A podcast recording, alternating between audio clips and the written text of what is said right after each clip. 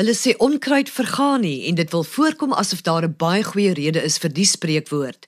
Wanneer dit veral by die landbousektor kom, kan die plant wat beskryf word as die verkeerde plant op die verkeerde plek groot skade aanrig en klimaatsverandering help nie.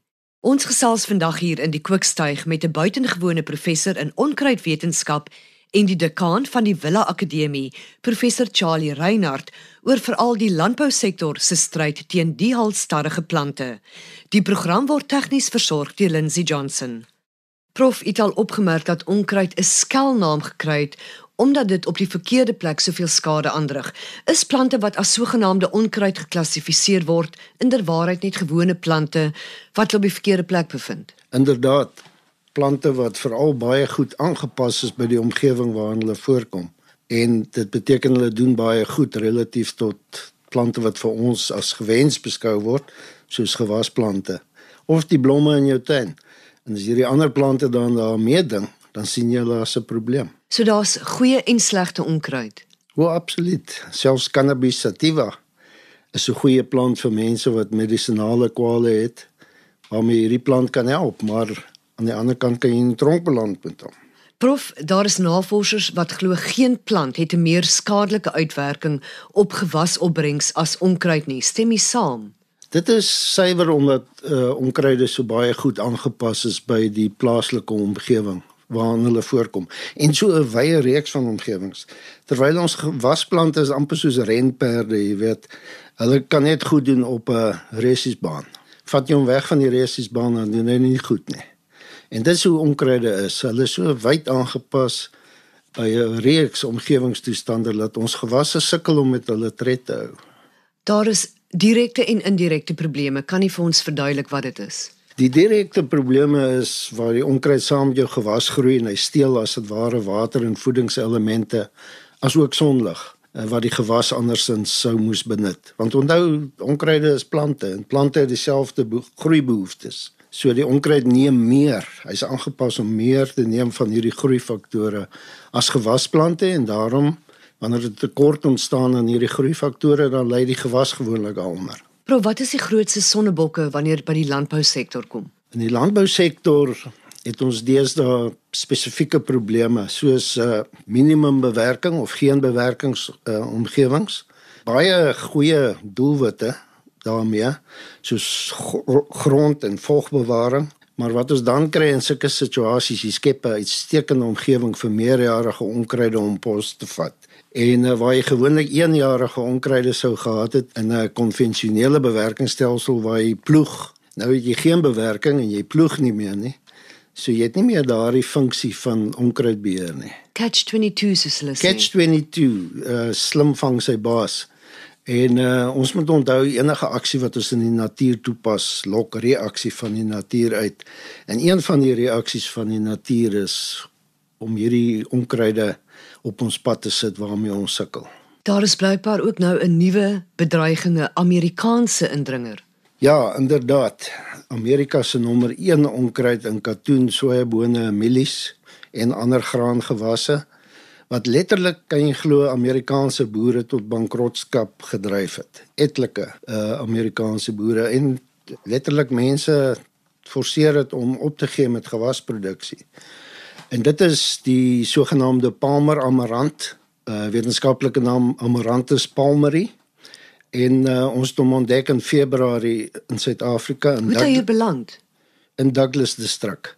En die uh, beste teorie op hierdie oomblik is dat hy dat saad ingekom het in tweedehandse landbouimplemente. En uh, in Amerika waar hy inheems is. Hy is in die suidweste van Amerika 'n inheemse plant wat vir duisende jare deur die Inkas en die Mayas gebruik is as 'n voedselbron en uh, aangepas by droogte toestande en daar lê die eerste gevaarklokkie vir ons met klimaatsverandering, aardverwarming Hierdie plant is aangepas by droë, warm toestande. So hy gaan floreer. In Amerika het hy oor die hele Amerika getrek binne 10 tot 15 jaar vanuit daai oorspronklike plek van oorsprong van hom.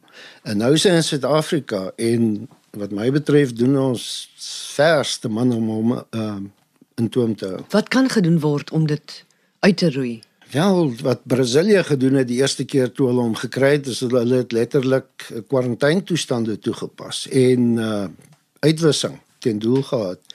Ons kan nie kwarantaine toepas nie want amarant, uh, ons het nie wetgewing om om dit mee te doen nie. En dit sou baie onregverdig wees teenoor die boer waar waar die onkruid voorkom om dit toe te pas. Maar ons behoort alles in die stryd te werp, beide die industrie en die die private sektor en staat behoort op hierdie ding te spring met alles binne hulle vermoë. Prof net om terug te keer tot klimaatsverandering, wat is die algemene uitwerking van klimaatsverandering op onkruid? Laat dit toeneem? Dit laat sekere onkruide toeneem. Soos soos temperature styg, warmer toestande, minder uh, betroubare reënval, dan begin jy die onkruide soos hierdie Palmer amarant wat aangepas is by warm droë toestande. Hulle gaan gedei terwyl gewasse wat nie geteel is daarvoor nie, hulle gaan swaar kry onder daardie toestande. En as en nou kom ons weer by versnelde gewasverbetering. 'n Genetiese modifikasie van gewasse het 'n skelwoord geword in sekere oorde. Maar dit is die vinnigste manier waarop ons kan tred hou met uh, klimaatsverandering in die vorm van gewasse wat in staat sal wees om onkruide wat baie beter as hulle aangepas is by hierdie veranderde toestande om dit te kan weerstaan. So onkruid het net 'n ongelooflike oorlewingsmeganisme. Ja, hulle het 'n diverse genetika. Jy sien as weer die renperd versus die donkie. Uh maak dit maar die muil, donkie is te lui. Maar uh die, die diverse genetika van van onkruide maak dit stel hulle in staat om aan te pas by 'n wye reeks van toestande, vinnig aan te pas. Terwyl die renperde, die gewasse en die mense is ook maar in daai kategorie. Ons pas eenvoudig nie vinnig genoeg aan nie. Prof, onkruid het egter ook voordele. Mens kan dit amper nie glo nie, maar hulle het blykbaar. Wat is dit? Ja, ek het genoem Palmer amarant wat duisend jare gelede al 'n voedselbron vir die Inkas en die Mayas was. Vandag nog kweek ons amarante spesies. Ook in Suid-Afrika word navorsing gedoen op amarantus as 'n moontlike voedselgewas. Dan is daar die medisinale waarde. Etlike van hierdie plante het uh, belangrike medisinale waardes en natuurlik ook uh, voeding vir vee. Een van ons belangrikste onkruide wat, wat letterlik van Kaap tot Kaïro voorkom is klein skraalhans, Coniza bonarensis. En hy is baie beter voedingsbron as lucern vir Hoe gaan ons wat nou nie kenners is nie weet wat om uit te roei en wat nie?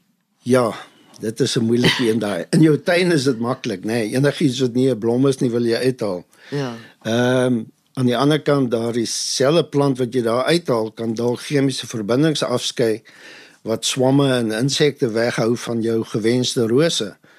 So ek het sulke situasies in my eie tuin, maar dit kan jy net doen met kennis van die betrokke plante.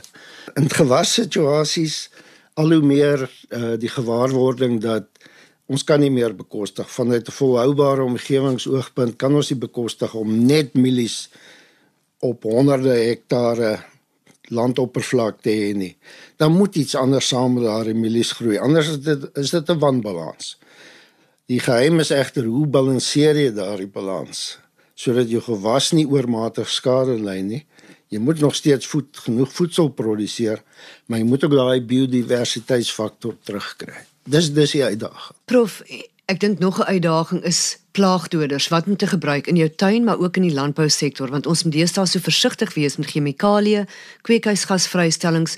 So kom ons vat maar die tuin. Wat is die veiligigste manier om van onkruid ontslae te raak? Ja, die veiligigste manier Die harde manier is met die hand uittrek. Ja. As jy nie genoeg kinders het nie, dan jy 'n probleem. Dan gaan jy begin neig na chemikalieë. Kry die opinie van kundiges, uh sodat jy dit wie jy gebruik daarom veilig is. Onthou waar die probleem met vergiftiging inkom, soos nou weer met die bye in die Wes-Kaap wat vergiftig is. Die middels is aangewend vir doeleindes waarvoor hulle nie geregistreer was nie.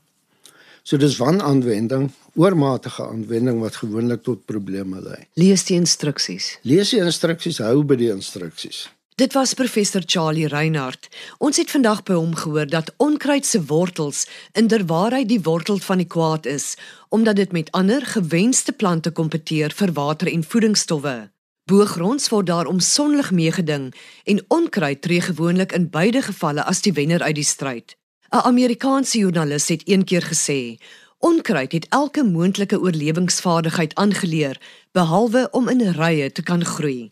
Die program word ondersteun deur die Wes-Kaapse Departement van Landbou. Ons groet tot volgende week. Onthou die aarde is kosbaar. Kom ons bewaar dit.